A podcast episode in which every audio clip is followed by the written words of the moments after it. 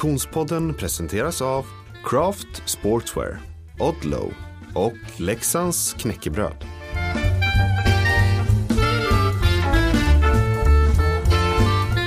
Hej och välkommen till Konditionspodden.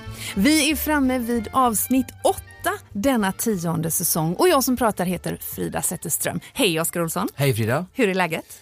Jo men det är mycket bättre än det var sist Ja. och jag vill eh, härmed börja med detta avsnitt att be så jättemycket om ursäkt för eh, bristande kanske eh, ljudkvalitet på det förra avsnittet eh, med fantastiska Johannes Kullberg där jag hostattackerade sönder ljudet stundtid och det var ju Vi blev lite tagna på sängen av den hostan ska vi Ja, säga. För du precis. var faktiskt inte så dålig när vi började. Nej precis, och jag trodde, hade, hade jag vetat om det jag vet nu så hade jag såklart inte eh, gjort intervjun där och då eh, och, och jag är väldigt mån om att det ska bli liksom, kvalitativa bra avsnitt och sådär. Så att, ehm, ja, sorry, det Ja. var ett dåligt beslut av mig och Ja, jag tar fullt ansvar för detta. Ja, och sen har du faktiskt varit lite sjuk. Ja men det var ganska ihållande så, men Aha. eh, nu är jag tillbaka i full träning och eh, varje gång jag kommer tillbaka så, så blir- slås jag ju av hur fantastiskt eh, Hur mycket man saknat det. Ja, och hur jag uppskattar eh, min egen hälsa och Ja. få vara frisk. Jaha. Ja, och det är ju en Och någonting som jag lätt lärdom. kanske kan ta, ta för givet ibland när det blir, som det ofta blir, långa sjok av friskhet. Ja, ja, ja, ja precis. Nej, men, eh, en en, en eh, eh, nyttig lärdom för Mm. oss alla och det går ju inte att sticka under stolen med att vi lämnar vabruari bakom oss och en, en, en tid av eh, en hel del eh, snuva och förkylning. Jag eh, kan inte fatta att det bara är dryga tre veckor sedan som jag, eh, eh, eller vad är det, fyra veckor sedan som eh, jag inte kunde åka Vasaloppet på grund av förkylning. Mm. Eh, Det känns som en evighet sen för det har liksom släpat sig fram sen dess. Ja. Men eh, ja, vi, vi ser fram emot en vår, en stark vår. Verkligen, det börjar ju bra med snö, snöfall. Mm, exakt, precis. Det är lite kontraster. Ja. Eh, Men du, vi har mycket energi med oss in i denna veckas avsnitt. Verkligen, från alla olika kanter. Vi kunde knappt sluta prata när vi gick i trappan upp till studion. Nej, precis. Och jag kände hur min sån gamla programledarroll slog på där jag egentligen aldrig ville småprata med gästerna innan för då förstörs dynamiken. Mm. Nu är det ingen risk att det kommer bli tyst i Konditionspodden. Håll i er, buckle up!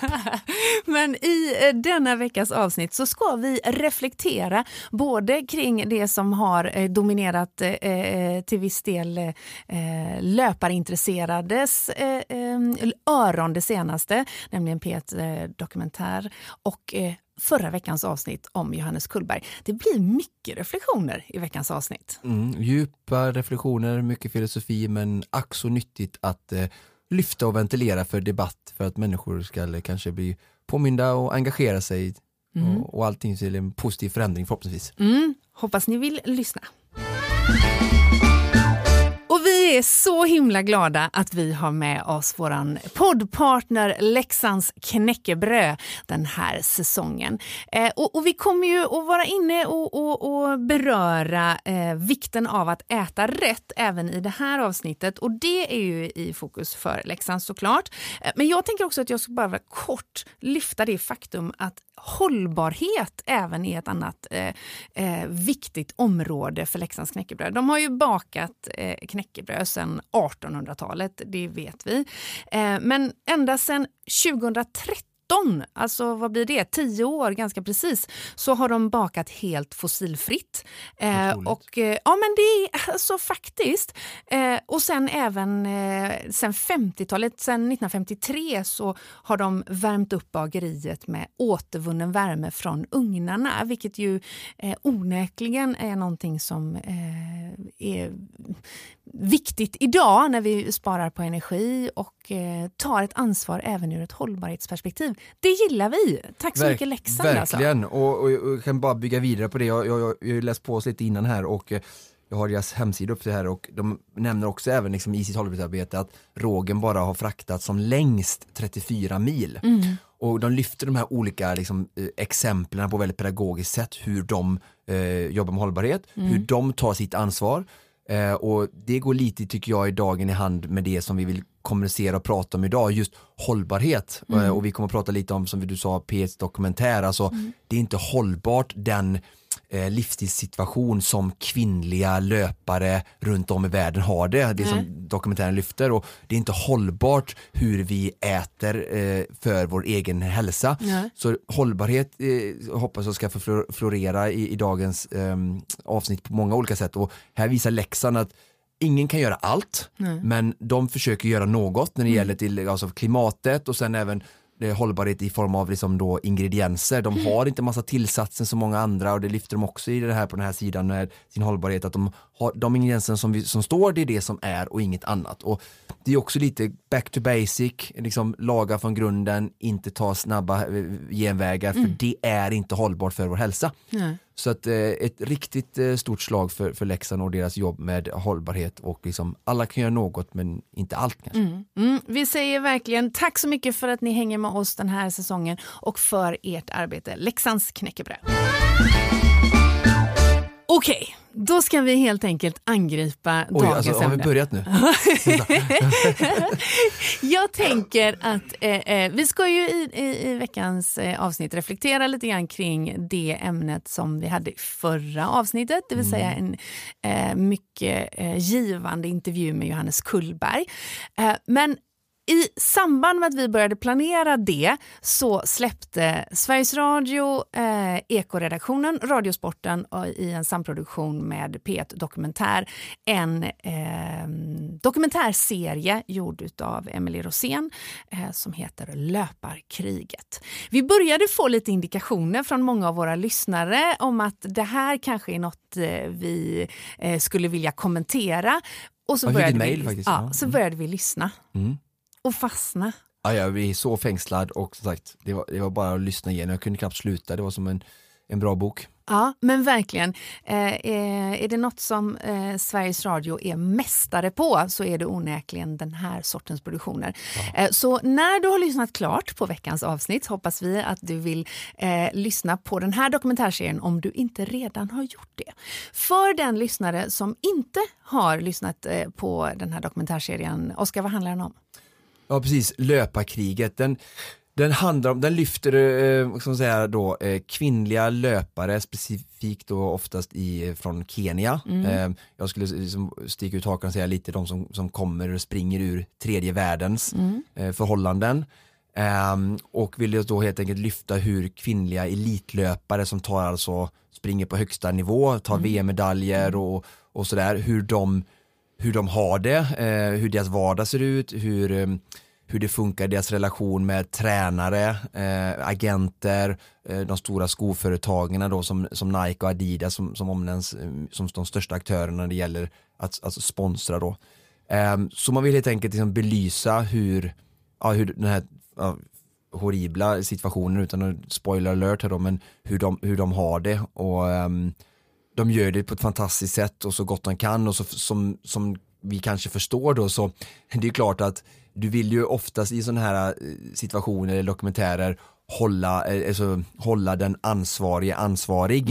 Eh, men såklart då är det ju såklart någon som framstår sig dåliga dagar är ju inte de som kommer räcka upp handen och, och vilja delta så att de, de får ju verkligen kämpa för att eh, få tag i folk, eh, få intervjuer med rätt personer och det, det är ju också så att det är uppdagas till Agnes, hon som, som, blev, som blivit mördad då, det känner ju säkert många människor till Agnes Tirol. ja, i, i, innan eh, men efter sitt världsrekord bara kort därefter blev då liksom eh, mördad hemma som i hals, halshuggen i princip, liksom ganska rått.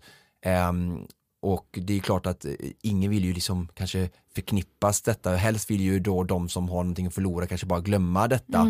Men det rätta kanske ändå är såklart är ju att även om du har någonting att förlora på detta så vill vi allihopa enas om en, en förändring så, så, så behöver vi tyvärr alla, även de som har mycket att förlora på detta, eh, delta i att liksom, I diskussionen. ytan. Ja, ja. och. Och det är ju, det är ju eh, naturligtvis eh, mordet på Agnes Sirop är ju e- ett av startskotten på eh, att röster höjs. Den här dokumentären eh, görs ju bredare än så men det är också svårt, tänker jag, att eh, utkräva svar för det är inte bara en ett offer och en skyldig. Eh, eh offren är ju väldigt tydligt eh, eh, vilka som verkligen eh, har mycket att förlora och, och, och, och som verkligen eh, skadas i det här. Men det är många som har att vinna på, på eh, eh, löparnas framgång.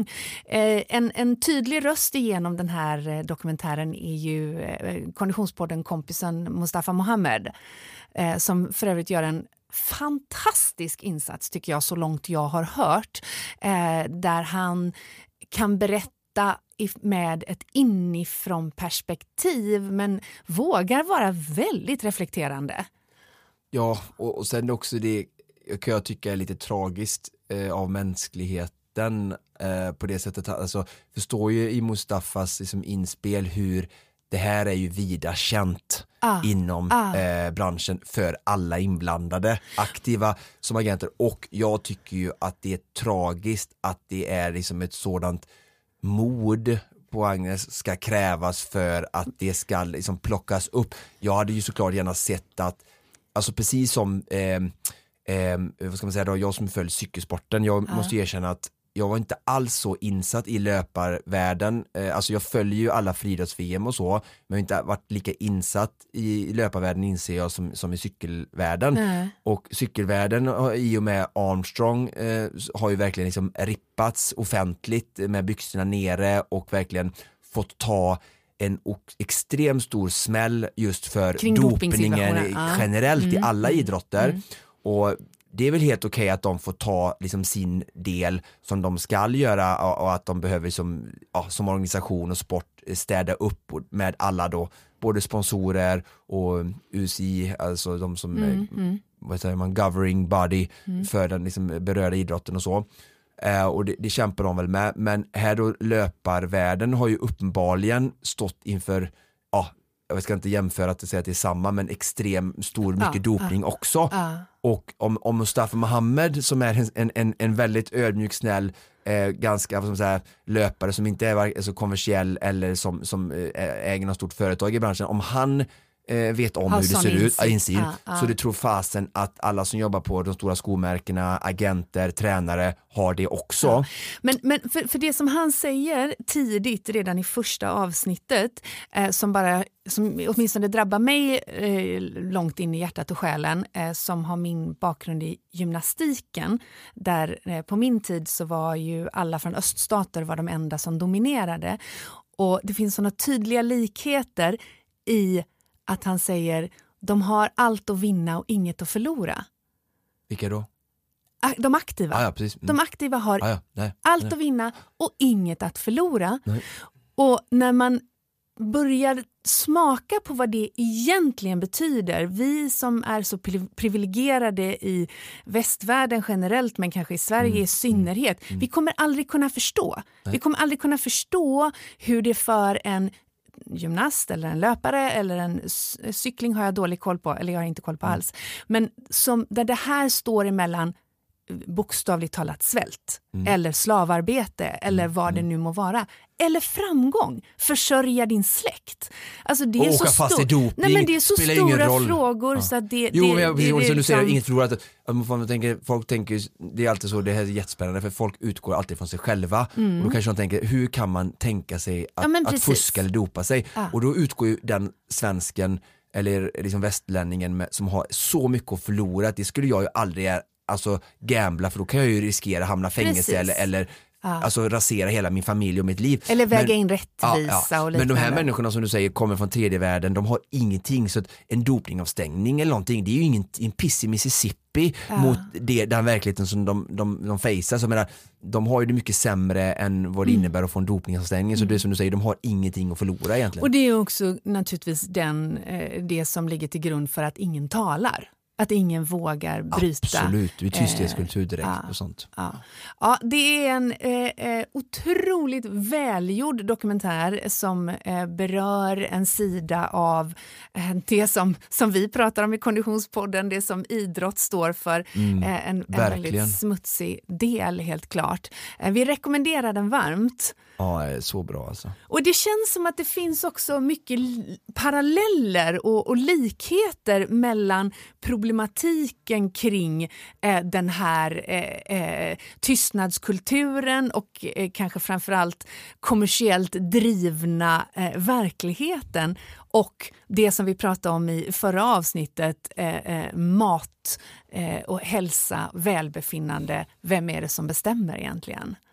Verkligen, och så komma tillbaka till två saker och det ena eh, hållbarhet mm. som vi pratar om i vårt sponsorbudskap. Mm. Alltså eh, det är inte hållbart att vi support, att vi alla, alltså, när jag säger vi så menar jag vi allmänheten eh, som har den största påverkan. Det är inte hållbart att vi supportar varken skomärken, agenter eller en, en, en sport Um, och genom att vi tittar, att vi, eh, alltså att vi tittar och köper och liksom bara genom det då, eller vår tystnad accepterar det som pågår, det är inte hållbart. Och det är inte hållbart att vi inom liksom kost eller livsmedelsindustri eller vårt, alltså, matkultur, att vi längre finner oss i detta utan det måste finnas någon slags hejd för det är inte hållbart att den hälsoutvecklingen som vi ser i världen bara får fortsätta mm. och den är i många fall direkt kopplad till vårt sätt eh, att, liksom, att äta i det här fallet. Um, så det, det är det, det, ena och sen det andra är ju liksom det, att titta på vad är det bakomliggande faktorerna som gör att vi hamnar här, vad är det som gör att vi äter som vi gör mm. och vad är det som gör att vi liksom tillåter de här, liksom, som, som jag säger, sakerna få, få fortskrida 2023 i sånt upplyst samhälle att, att kvinnor som springer på världsnivå som är, som ena stunden befinner sig i, i ett, i ett upplyst demokratiskt eh, sammanhang mm. i en tävling och sen åker tillbaka och där de tränar och helt plötsligt är verkligen tredje eh, världens liksom invånare med kanske dåliga förutsättningar, ingenting att säga till om, ingen makt över sin egen ekonomi, sin, sin kropp. Eh, de är liksom fast i, i det här eh, systemet då där, mm. som drivs av tränare och agenter som, som bara skor sig för egen vinning på, på människor. Liksom. Mm. Alltså det känns som, som produkter som, som, ja, som han säger, ja. Eh, Mustafa Mohamed. För kvitt, Definitivt. Ja. Och, och, och, och alltså, om, om, vi, om vi ens, nu gläntar vi på dörren, men om mm. vi skulle öppna den på vid gavel, eh, reflektioner kring det patriarkala samhället och vad det är som styr eh, i, i, i, ur ett idrottsligt perspektiv, eh, så, så, så vet jag inte var vi slutar. Så det känns som att det kan vi bara konstatera och någonting vi får anledning återkomma återkomma till definitivt. Eh, men om vi tittar lite grann på vad vi har gjort för reflektioner sin sen förra veckans avsnitt kring eh, hälsa och kost. Eh, för både du och jag kände ju efter intervjun med Johannes, vi är så himla glada att han ställde upp och, och, och delgav oss mycket av sin, sina reflektioner och kunskap. Men, men, det vi kände att vi var ju just att okej, okay, men vad är det som styr? Vad är anledningen då till att vi många väljer att äta på det här sättet. Um, om du skulle liksom lyfta fram en faktor som du tror är eh, eh, anledning till att vi, vi äter på det här sättet, vad skulle du säga då? Jag skulle säga att det har med att vi inte mår så bra i oss själva. Mm. Um, alltså att det är kopplat till psykiskt ja. helt enkelt. Um, mm. För att om vi tänker då så här att om vi, någonstans så tror jag ändå inte det finns så jättemycket motsättning i, alltså vi har massa bypass-operationer, säger mm. vi. Alltså det vet ju alla om, det är ju ingen alltså, motsägning i det. Det fanns ju inte alltså, för, förut liksom. Och, eh, att, att midjemåttet har gått upp från 1980 till 2023, eh, det finns det heller ingen motsättning kring. Nej, det är ett faktum. Det är ett liksom. faktum. Mm, mm. Ehm, och, och, och, om, vi säger, om vi tar lite paralleller, då, för då, och det här är ju någonting som sker över hela samhällslinjen, alltså det är både bland låginkomsttagare, det är kanske utbildning och andra saker och det är bland höginkomsttagare, så det finns ju överallt. Yeah. Och sen ser vi att självmord och, och eh, har ökat. Mm. Eh, vi ser att alltså, alltså, psykiska ohälsan har ju ökat. Det, finns, mm. det finns också rapporter på att människor mår mycket sämre. Mm. Eh, och så tänker vi så här då att massa människor mår sämre eh, och så har, de blir föräldrar och om du mår dåligt och är förälder så, så förstår vi ju att då kommer ju det här eh, enligt mig då det här liksom o, eh, vad ska jag säga, eh, vad säga, illamåendet eller vad ska jag säga, psykiska ohälsan, ohälsan mm. den förs ju bara vidare då tänker jag, alltså att eh, föräldrar som inte mår bra i en sån miljö. fostras i en sån miljö. Mm. Och, sen, och då är vi ju någonstans inne i den negativa snöbollsliknande liksom, spiralen som bara såklart eh, för, fördubblas, liksom 2 plus gånger 4 gånger 4 gånger 4 är 16 och så, och så är vi igång.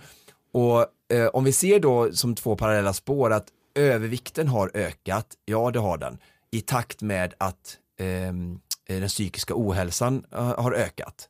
Då, då säger det i alla fall mig att de går liksom hand i hand på det sättet oftast, att, ofta som jag brukar säga, vi känner andra som vi känner oss själva.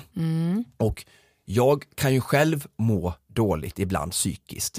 Eh, nu tror jag eftersom jag har gått i terapi i 10 plus år och är väldigt medveten människa och jobbar väldigt mycket hela tiden med mig själv så så mår jag inte jättedåligt psykiskt utan det finns ju såklart olika grader. Men, men det, med det sagt så betyder det ändå att jag är människa och har förståelse hur det är att må dåligt. Jag var mobbad som, som barn och jag har mått psykiskt dåligt eh, liksom nu och förr, fram, framförallt mer förr. Så att jag kan ju relatera till vad det, vad det innebär att tröstäta. Och om vi bara stannar vid det för en, en kort stund, alltså eh, tröstäta, så var det, då är det också någonting som jag saknar i samhället, att varför tröstäter vi? Ja, vi mår dåligt. Ja, men varför mår vi dåligt och vad är det? Det är inget farligt att må dåligt. Och då är det ju så att för mig så handlar tröstätning, tröstätningen om att slippa att känna. Så om vi tänker då att vi mår dåligt och har en jobbig känsla och som, som jag återigen, jag ska inte säga att jag dömer men jag, jag förstår utvecklingen utifrån att hur jag känner mig själv. Förstår du vad jag menar? Absolut. Mm. Så jag vet hur det är att eh, bli dumpad eller att ha det, eh, prestation i idrott till exempel som är väldigt viktigt för mig. Och det kan ju betyda att om jag, gör- om jag gör dåligt på en tävling så kan jag köpa en godispåse och gå hem och trösta mig med den för jag mår dåligt. Det bästa i den situationen kanske hade varit gå- gått hem och känt okej, nu har jag massa jobbiga känslor. Nu ska jag inte fly in i en Netflix eller i en glasskål, en godispåse, utan jag ska möta de känslorna.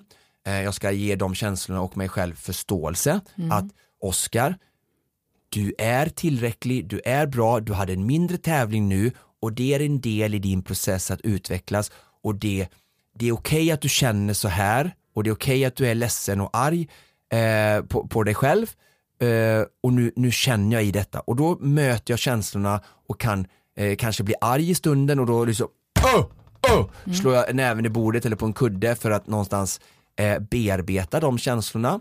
Så att jag verkligen tar tag i grundproblematiken. Då har jag enligt mig liksom på ett konstruktivt sätt påbörjat den processen ehm, att ta tag i grundproblematiken som det vi diskuterade i avsnittet med Johannes Kullberg om att vi börjar få dåliga matvanor, vi äter eh, processad dålig mat och socker och allting. Och sen då liksom, och då vill jag också då eh, komma tillbaka, eller komma nästa steg till att för mig då handlar det om, om lite om självkärlek. Alltså för att, att äta, och då, nu har jag ju tagit ett isolerat exempel, så det som gör att vi får fetma det är ju när, när ohäl, den psykiska ohälsan är så grav, alltså eh, utvecklad i oss, att det här sker ju på daglig basis. Jag har ju inte hamnat i, i den typen av, eh, som säga, eh, vad kallar vi det för, alltså missbruk då. För, för mig är det ju som att ä- äta jätteohälsosamt så att vi blir så att vi hamnar inom risken för hjärt-kärlsjukdomar och, och verkligen kan och sätter våran, våran kropp eh, och, och hälsa i fara. Det är ju, det är ju då missbruk såklart tycker jag, eh, precis som eh, droger eller alkohol eller vad som helst, eller träning eller något annat. Och eh, gör vi det då dagligen, det är då vi hamnar, jag har ju bara plockat ut i att sånt här har hänt mig i livet i enstaka tillfällen, sen överlag Man tar det så som tröst då? Ja precis, Ja, mm. men, och, och det är klart att om jag tillåter mig att göra det då och då, sen kan jag ju alltid bli bättre jag också Mm. och det försöker jag hela tiden sträva efter. Men nu pratar vi om, om mänskligheten i det fallet där det här verkligen sker dagligen då, Mm. eh, där man tröstäter på det sättet eller man, man mår dåligt. För om man tänker så här att vi allihopa också då återigen är enade om att vad som är nyttigt och vad som inte är nyttigt, det finns det nog heller ingen motsättning Mm. Nej. Ehm, och om då människor, man tänker så här, varför tar människor, väljer människor att äta eh, hela tiden de här onyttiga alternativen?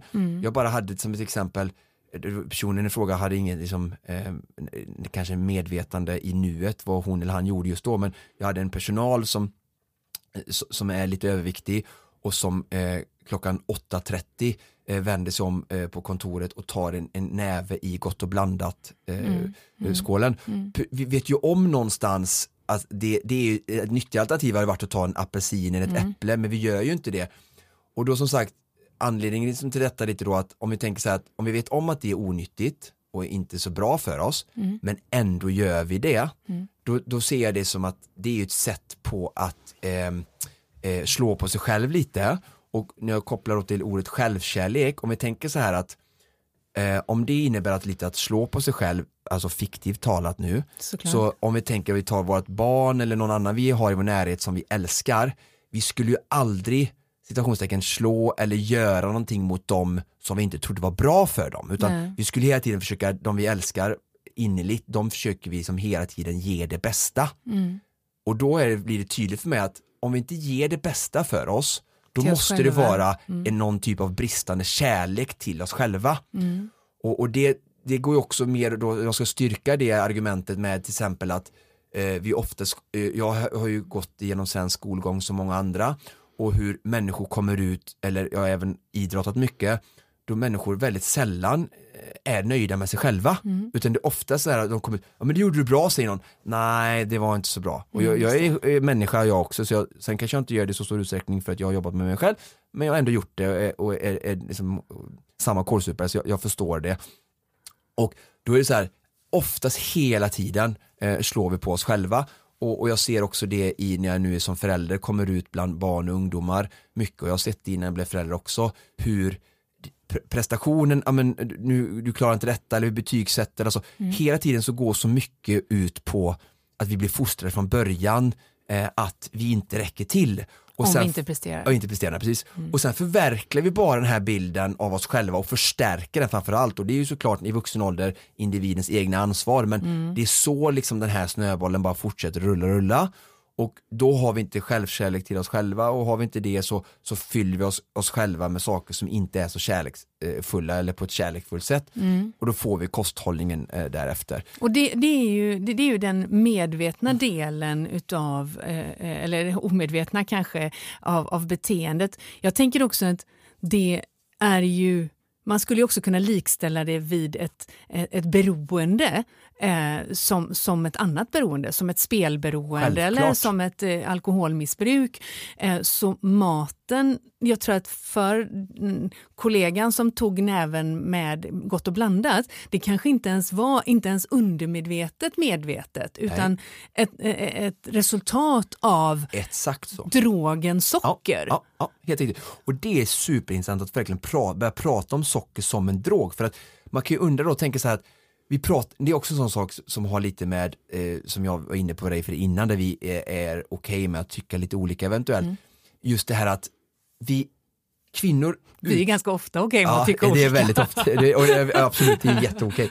Eh, okay. eh, jo, men alltså att eh, jag kan tycka så här att ur medialt då att det är, det kan kännas kanske för en journalist, och nu, nu tar jag väldigt på mig höga hattar eller vad det heter. Ställer på höga Sätter dig på höga hattar med, hattar, med hatten på. Eh, mm. att alltså det känns kanske lite mer, alltså alla människor någonstans, inklusive mig själv, inklusive journalister, är ju någonstans eh, Eh, har en inbyggd rädsla för hur, att stöta sig med, med personer och eh, allmänheten överlag. Och det, så är det och jag, jag, förstår det. Jag är det kanske en person som verkligen inte har så mycket rädsla för att stöta mig med någonting eller något.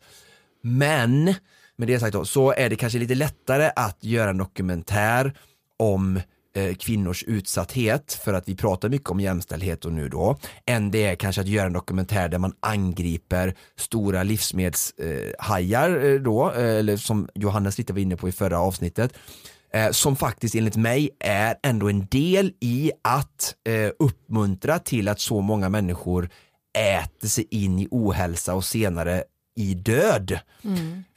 Alltså nu förringar jag inte, jag tycker den här dokumentären var asbra, mm. men som jag sa till dig så skulle jag vilja se samma fina, fantastiska, grävande journalistik inom mer då i, ännu mer kanske i, in, inom livsmedelsindustri där vi ser också hur mycket människor då, framförallt då enligt mig barn i det här fallet, Mm, som en utsatt grupp blir utsatta för marknadsföring som vi tillåter och massa, precis som vi då de här kvinnorna i Afrika blir utsatta av västvärldens eh, liksom, eh, förmåga att sko sig själv på tredje världen till vilken, eh, liksom, jag, är, jag är kapitalist och tror på en fri marknad och, och vill att liksom, stora företag ska få finnas och så och, och göra vinst men, men inte på vilken bekostnad som helst. Nej, och här blir det på ryggen av starka, motiverade, fantastiska idrottskvinnor. Och samma sak som barn nu för då får, får vara liksom offer i samhället på McDonalds eller andra typer av liksom livsmedel som, som gör direktriktad reklam mot barn för att de ska konsumera. Med. Jag har en son som hela tiden blir matad av detta på, alltså han får se på iPad självklart liksom, eh, av mig och så, men liksom, de blir utsatta för så mycket reklam överallt. Eh, och det är klart jag som vuxen och förälder är ansvarig för att liksom försöka hjälpa dem att sortera och sådär. Men det är svårt i dagens samhälle och att vi som, som, vi måste bara som jag sa för ett hållbar hälsa och en hållbarhet, jämställdhet eller mm, marknad för löpkvinnor så behöver vi som säga nej nu måste det vara nog, vi måste någonstans sätta ner foten Ja men liksom, verkligen. ta Men, och jag tänker, och- vi, vi tycker ju eh, samma i grundfrågan här. Eh, det är väl det att vi har lite olika eh, insyn i mediebranschen och hur mycket som görs. Eh, men jag tänker att vi, vi sträcker ut en hand till våra lyssnare som brukar vara snabba på att eh, skicka exempel till oss, vilket Ja. vi älskar. Jättebra. Så om du Jag får gärna bli lyssnar, motbefe- Ja, motbevisad. Nej, men det handlar inte om att motvisa, Nej. det handlar nog bara om att upplysa. Ja. Eh, så att om du som lyssnar har eh, sett, hört, läst eh, en bra dokumentär eller en granskning, eh, kanske framförallt om livsmedelsindustrin, eh, svensk eller utländsk, skicka gärna till oss för det är eh, jättekul att ta del av. Vi nås ju bäst på sociala medier, kanske framförallt på Instagram eller på Facebook. Vi heter Konditionspodden. Em, så Ja. eh, det vill vi gärna ta del av såklart. Absolut, och, ja, alltså jag, jag, jag säger inte att, jag också jag tycker inte att det, jag säger inte att det inte görs någonting. Nej, nej, nej. Jag kanske bara kan- med tanke på vi- hur vi stor, mer. ja, med tanke på hur stor inverkan livsmedel Exakt. har på vår hälsa och hur många som kanske stryker med eh, i kardiovaskulära sjukdomar, alltså Precis. hjärt-kärlsjukdomar på grund av fetma eh, till exempel. Då. Om vi tittar lite mer på vad vi tror då är bakgrunden när du och jag sitter här och spekulerar Ja, eh, i vår kring, egen- i, vår, i vår egen lilla studiobubbla. Det är Eh, våra, mina tankar, ingen Ja men eh, absolut. faktabaserad absolut. forskning. Eh, men, men om vi tittar på forskningens betydelse, om vi tittar på, Mm. Ja, på, på, ja. på eh, läkarnas och forskningens betydelse, Mm. för här kan jag ju få tilt i huvudet Mm. när vi faktiskt sitter med svaren, vi sitter med facit på hand. Mm. Det verkar ju inte hjälpa. Nej precis, det verkar inte hjälpa. Nej, och, och där vill jag också egentligen bara igen dra paralleller. Alltså, eh, och Johannes sa det väldigt bra och det, det finns i många filmer, alltså just själva uttrycket follow the money. Och om vi bara stannar där för en sekund, och menar, det här var någonting som jag läste eh, under min tid som, eh, alltså på kurser på, på universitet också, just det här med att vi alltså granska forskningsstudier och evidens och att det ska vara flera olika typer av oberoende forskningsstudier som ska styrka en och samma tes och sådär. Och fick framförallt fick jag insyn eh, även lite nu då till superklassiken, alltså vi gjorde, de gjorde lite studier på mig, den är fortfarande inte klar, vi ber att få återkomma om det, men eh, det vi fick insyn där är ju att eh, Stefan då som var ansvarig eh, forskare i det här fallet och gjorde den här studien, allting, de, en forskare behöver ju först dra in ekonomiska medel för det är Just det. otroligt dyrt. För att kunna Ja, finansiera. och då måste du Mm. hitta personer. Så om vi börjar få, en förståelse för den processen för, för liksom forskning så kanske det hjälper oss lite mer. Eh, liksom, om vi ser då, alltså de som håller på med forskning eller de som begär in eller vill göra forskningsartiklar eh, eh, och sådär, eh, de har ju en, en väldigt stor insyn och förståelse för vad forskningen har för inverkan för människors beslut konsekvenser. och konsekvenser Ja. för Mm, marknaden och sådana saker. Och jag menar bara för att ta ett litet exempel till någonting som jag vet många lyssnar på den här podden, eh, och i det här fallet är det ju en, en, en, en bra historia eller en, en godartad historia. Um, alltså jag var ju med som forskningskanin eh, eller försökskanin eh, när det gäller Mårten som är ett, ett, nutritionsmärke som jag jobbar med som atlet och som jag tycker är jättebra och det är ett jättebra företag och det är en bra produkt och, och de har, tar hand om sina atleter nu när vi ändå pratar om löpare och sådär. Så det här är ett jättebra företag men när de, de började, de är ett Göteborgsbaserat företag ehm, och de eh, bygger u- liksom hela liksom sin affärsidé och få- produkt baserat på forskning just. Liksom, så att de, Vi har ju faktiskt gjort hela avsnitt eh, hos Mårten, så kan gå tillbaka och gått lyssna, på. Ja. Och det är Mustafa Mohamed också en sponsrad Exakt. Mm. atlet som är delaktig i dokumentären som vi hänvisar hela tiden idag. Ehm, så att, superbra, de började 2016, eh, vi, vi, vi var massa duktiga atleter med eh, viss testvärde som blev inbjudna att vara med i studien, många tackade ja, vi var del, vi satt och trampade många timmar eh, vid olika tillfällen och man gjorde då tester på produkter, jämförde Mårten-produkter med andra eh, då, det, blinda tester och andra det, en nutritionsmärken då för att se skillnader och dra slutsatser, precis så som forskning går till. Ehm, och såg snabbt fördelarna med produkten och sådär. Det jag kan säga då, så jag som känner till bakgrunden, är att Mårten var ju den största finansiära liksom contributor i detta, alltså de var med, de var de, de som bidrog mest ekonomiskt till studien, annars hade alltså inte den här forskningen kunnat gjorts. Tack vare att de stoppar in de här pengarna så fick vi ju såklart massa positiv forskning som gynnar eh, hela mänskligheten i sånt här fall, men framförallt då direkt gynnade Mårten själva. Ja. För de fick ju alltså forskningsbaserade liksom, Resultat. resultat, som de kan använda direkt i sin försäljning och, och, och sitt varumärkesbygge. Eh, vilket såklart är jättebra och i, i, när det funkar på det här sättet och man inte ljuger, hittar på saker och liksom jag själv har ju läst eh, de här forskningsstudierna och liksom jag har själv varit med så jag har sett det verkligen inifrån. Då, då är det ju bra. Men om vi bara tänker, eh, vi kollar på, vi följer Trump eller vi kollar på olika krig, vi, vi ser hur världen funkar, vi ser hur Putin agerar för egenintressen, så förstår vi ju såklart att det finns ju massa tillfällen då, då liksom det är egna individens ansvar missbrukas. Eh, Det, det är lögner och vi, man, folk hittar på saker för, för egen ekonomisk vinning. Det är ju bara att kolla på Gudfadern höll jag på säga, men liksom det, sånt har ju funnits i alla urminnes tider. Så det kan ju inte vara någon nyhet för folk.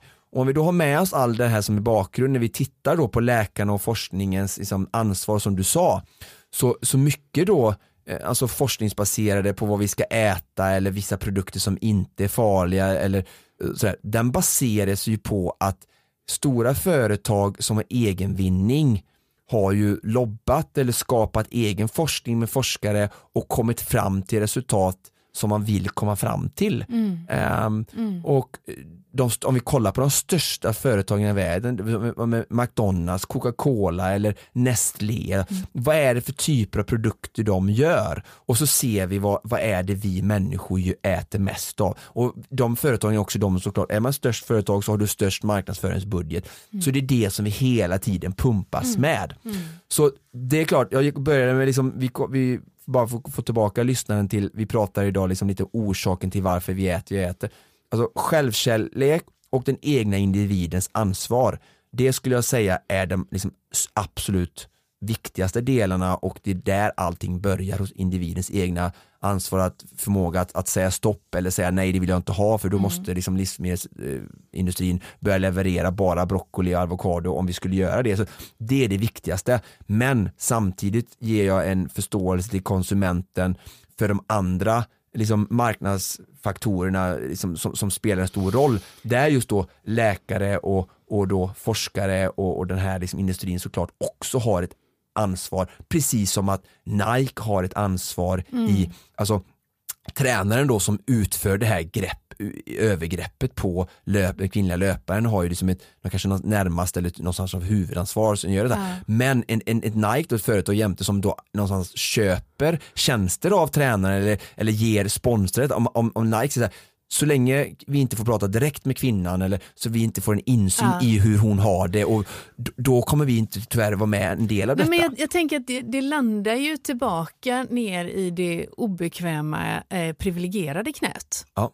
Det är ju någonstans den som är privilegierad nog att Att ha- ja, precis. att, att ha rätt. tid, ha råd, ha eh, kunskap, Mm. eh, att eh, eh, förskansa sig kunskap. Det är Mm. ju det privilegierade, den privilegierade eh, medborgarens eh, ansvar då att agera. För det är Mm. troligtvis kanske inte alltid där för den personen som problemet är som störst. Nej. För tillbaka till Mustafa Mohammeds kommentar, det, de har allt att vinna och inget att förlora. Vi kan aldrig kräva att den Eh, kvinnliga atleten inte ska ställa upp på de villkoren. På samma sätt som det kanske är, precis som Johannes Kullberg sa i förra veckans avsnitt, det är svårt att kräva av alla individer att göra de här medvetna besluten. För en del av eh, matindustrin riktar sig också till de som inte hinner, inte har tid, de som jobbar dubbla eh, arbeten och, och kanske är ensamstående och inte har möjlighet att ta de här privilegierade besluten. Så då är det ju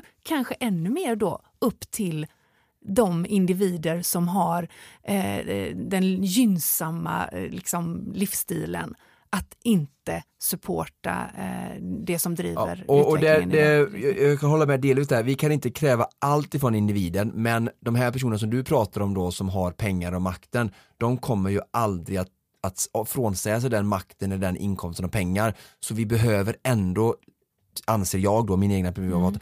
trycka ut ansvaret hos de här personerna som du säger inte hinner och inte.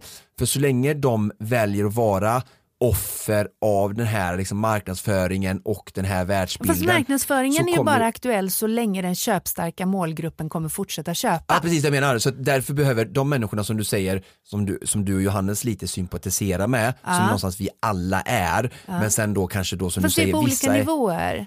Ja fast om vi säger att de är ut, en utsatt grupp då, som mm. du sa, inte hinner, de, de har inte kunskap och de, de, blir matade av det här hela tiden. Ja. Och om vi inte kan utkräva ansvaret för dem utan vi säger att de, de kommer nog fortsätta att göra så här ja. och vi behöver få de som gör den här marknadsföringen eller som, som har den här möjligheten någonstans att backa bak. Ja. Jag hävdar ju att de kommer aldrig göra det så länge inte konsumenten liksom ändrar eh, ett, ett väljer så här, nej men nu, nu, är det, nu är det nog. Och det, jag tror, det är det jag tror lite kommer hända med Facebook.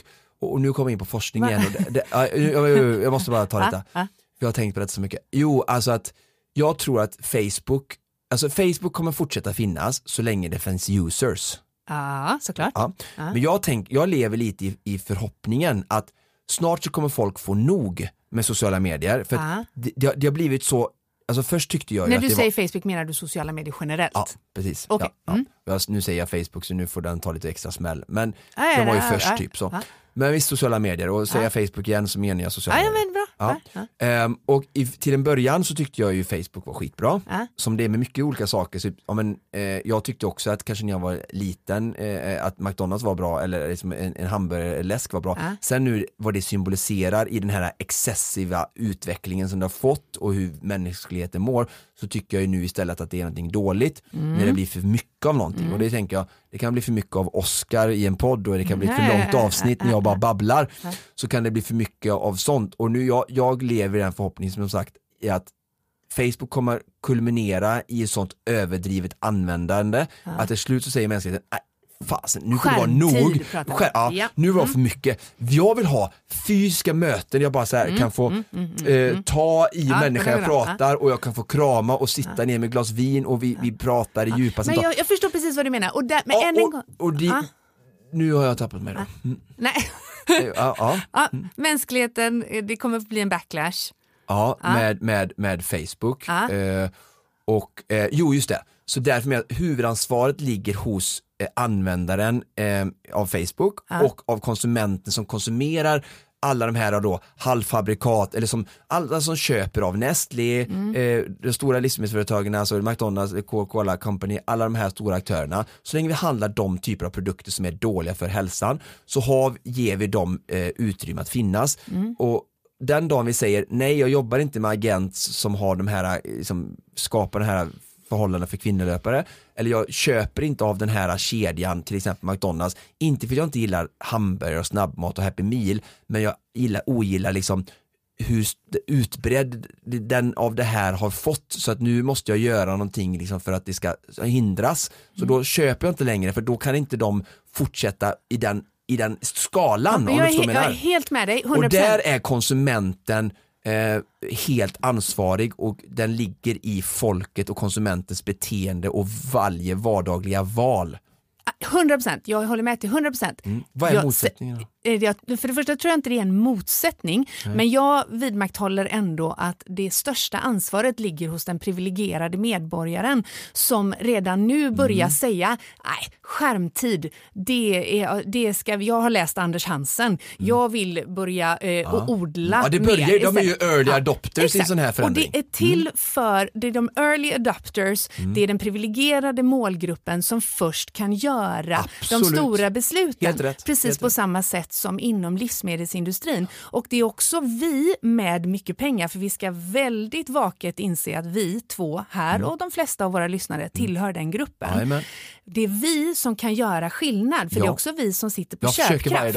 Mm. Ja, nej men så att, så att det, det, Helt riktigt, det är vi helt överens. och sen så överens. hoppas vi då att när vi har tagit steget så kommer senare eh, ansvaret luta över på eh, adopters nummer två, tre, fyra i Ja, ledet. definitivt. Och därför att också då kom, det som följer med det är ju marknadsföringskampanjer eh, kampanjer som då får ett annat budskap. Jag ser ju precis samma tendenser inom modeindustrin till exempel, där hållbarhet är den springande punkten. Ja. Om vi börjar, slut, börjar med att sluta köpa snabbproducerade kläder, Ja. det är vi som har råd som kan börja och då Helt kommer det. Eller ja. som jag, jag igår plockade ner ytterligare en Leksands knäckebröd Mm. till min son där vi äter knäckebröd på fyra ingredienser och ett Mm. istället. företag som, som ha- är för hållbarhet, närodlat, handlar med sina lokala bönder Mm. och, och, och verkligen gör det. Så det, jag är jätte, med stolthet en early adopter där och hoppas många ska följa efter mig. Mm. Ja, Kanske men några fler efter att lyssna på det här Ja, men avsnittet. förhoppningsvis verkligen.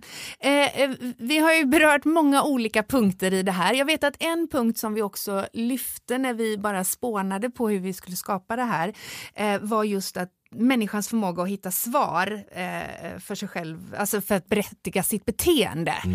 Eh, eh, det där är ju en eh, eh, eh, spännande liten grop att gå ner i. Ja precis, alltså återigen lite kopplat tillbaka till då kärnfrågan, orsaken bakom att vi äter som vi konstaterade i förra avsnittet med Johannes Kullberg, vad, vad kan de vara? Och där är det ju en så sätt att tillbaka till lite det här att, att känna på det, de jobbiga känslorna så brukar jag säga ibland så här att mänskligheten är expert på att bekräfta att det är okej med sitt beteende. För att, att istället erkänna för sig själv att det jag gör det är extremt destruktivt och riktigt dumt. Det blir för jobbigt. Och där brukar jag ta då ibland till exempel en rökare som exempel. att för mig måste det på något sätt, ursäkta alla ni som röker, jag ger er kärlek och förståelse också i samma mening som jag säger detta, att det måste vara någon form av, för mig i alla fall, höjden av idioti att suga i sig 20-25 cancerpinnar varje dag eh, där du vet att du, du verkligen skadar din kropp. Det finns forskning om vad som händer i flimmerhår och i kropp och, och i eh, liksom blodkärl och allting. Det, det finns ingen motsättning där heller. Och ändå så gör den här individen det varje dag. Jag har förståelse för att det inte är lätt att, att sluta. Jag har själv snusat i tio år och gett, blivit av med nikotinet som har ett ännu högre innehåll av liksom beroendeframkallande preparat än vad det finns cigaretter. Så jag har massa kärlek och förståelse för det. Men som vuxen individ, du, tar tag i kragen, liksom, så. men vi gör inte det. Varför? Var- Varför bryter vi inte vårt kostbeteende? Jo, för att vi hela tiden någonstans är, blir bra på att men jag, ska- jag ska bara, bara äta detta eller liksom det är okej eller det är synd om mig eller eh, jag, jag behöver detta eh, eller det är ju inte så onyttigt. Så börjar du vet, hjärnan hitta massa här, jo men det är ju ändå i alla fall, det är, det, är- det är som jag hade någon, någon bekant som så här, vad var det nu, det var med marängsviss, men det är ju grädde och det är ju bra mättat fett, det säger ju någon och så. Folk hittar alla, försöker va, och den, den Rödvin är bra för hjärtat Ja sånt. precis, och, och så blir det klart att ett glas ja men inte tre och, och kaffe är ju bra, ja fast inte sju koppar för då kanske det påverkar sömnen och så. Och, och där någonstans är vi så duktiga och det, jag tror att det är så viktigt att, att lyfta det lite för jag tror att många kan känna igen sig i det och det är det vi behöver vi lyfta lite för att då lär vi känna oss själva lite hur vi fungerar som, som människor allihopa. I, I större eller mindre utsträckning såklart men vi alla har en släng av det och, och i för stor utsträckning så blir det ju som sagt direkt hälsofarligt för att då, då kan vi hela tiden motivera alla de här dåliga livsmedelsvalen som indirekt betyder att vi slår på oss själva. Um, så att, att, att, att bara lyfta det och att, att prata om det och få en förståelse för var och en att hur bra den mekanismen funkar. För att det är jättejobbigt i de fallen, alltså om vi, tänk om rökaren, så här, om, om rökaren skulle ha samma syn på sig själv som jag har på rökare, alltså hur destruktivt det är, då skulle personen knappt i fråga kunna leva med sig själv. Um, så, så där kommer verkligen det här att vara självkritisk och, och liksom, ja. jag, jag, tror att, för, för jag, jag minns eh, för många år sedan nu så, så hade jag ett samtal med min älskade mormor, hon lever inte längre, eh, men, men hur jag kunde vara avundsjuk, och nu gör jag situationstecken i luften, på hennes generation som kunde säga det visste inte jag. För vi lever ju idag i ett så upplyst samhälle så tillgång till information finns för alla ja. som har, eh, har möjlighet eller har tid att ta sig eh, tillgodogöra sig information. Eh, den generation som nu är, är på väg att, att, lämna oss, men de, de, de, levde faktiskt i ett samhälle där de trodde att rök, eller de inte visste att rökning var farligt. För den informationen hade inte blivit allmänt känd. Idag lever vi i ett samhälle där all information är tillgänglig. Vi har, eh, har vi bara bara eh, tid och eh, uppkoppling så kan vi ta reda på exakt hur eh, näringsfattig eh, eller eh, förvisso skadlig eh, det livsmedel vi stoppar i oss är. Det som jag tänker då är dels, jag blir lite avundsjuk för att man inte längre kan säga det. Jag tror faktiskt också att om vi flyttar fram klockan så kommer vi titta på den stress som det skapar. Att vi är den första generationen där all information är tillgänglig, alla val är alltid upp till dig själv.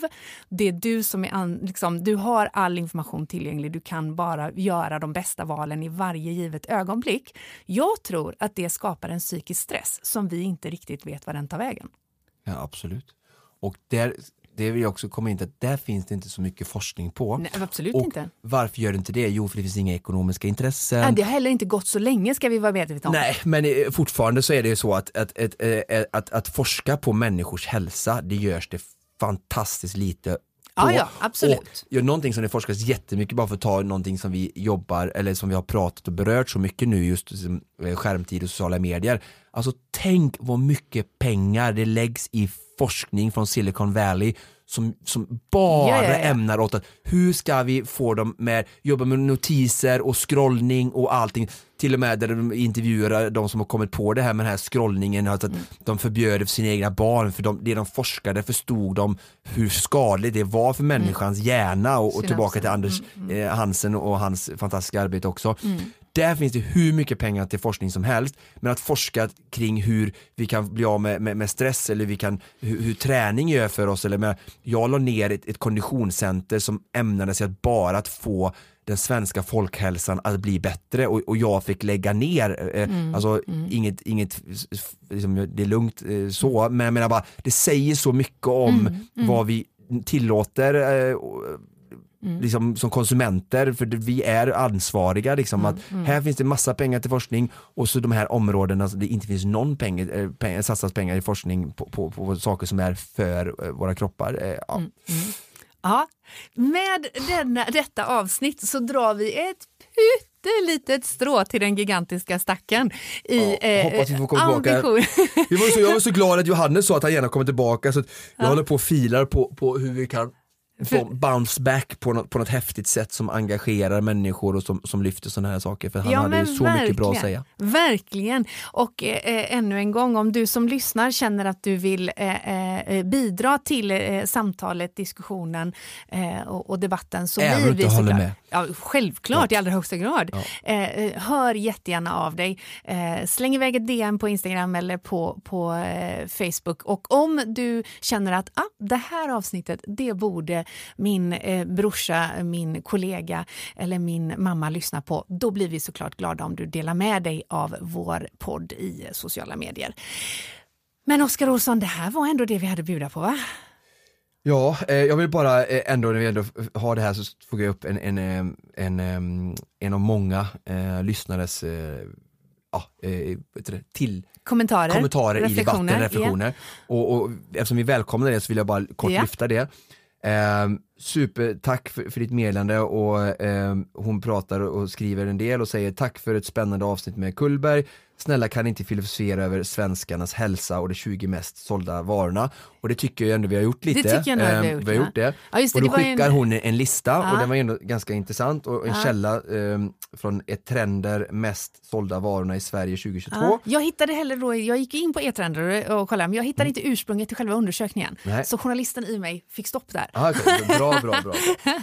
Eh, men här är listan då, 1-20. Trisslott högst upp, intressant. Kexchoklad, Cloetta 60 gram. Ali mellanmjölk, Pepsi Max, Red Bull, Coca-Cola Zero, Arla mellanmjölk grön. Coca-Cola, svenskt smör, Gevalia, kronjäst, Felis risgrynsgröt, då, eh, eh, halvfabrikat med ja. Oatly havredryck, Pågen lingongrova, kolla den lingongrovan alltså. Coca-Cola, Arla mjölk, Bregott, Coca-Cola, Marabou choklad, Coca-Cola.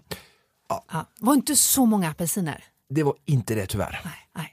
Låt oss köpa. Men, men, så, så tack för sådana här typer av inspel och eh, Verkligen. bidrag till debatten. Ja, Fortsätt gärna det så ska vi försöka lyfta dem. Ja, underbart. Det är eh, så kul att höra av er, helt klart. Eh, och eh, ja, vi tror jag vi tackar för oss för den här veckan. Vi är tillbaka om en vecka igen. Det var en urblåsning. Det var en urblåsning. Det är alltid lika roligt. Precis som vanligt, kära lyssnare, så produceras Konditionspodden av Fredag. Connect Friends with People.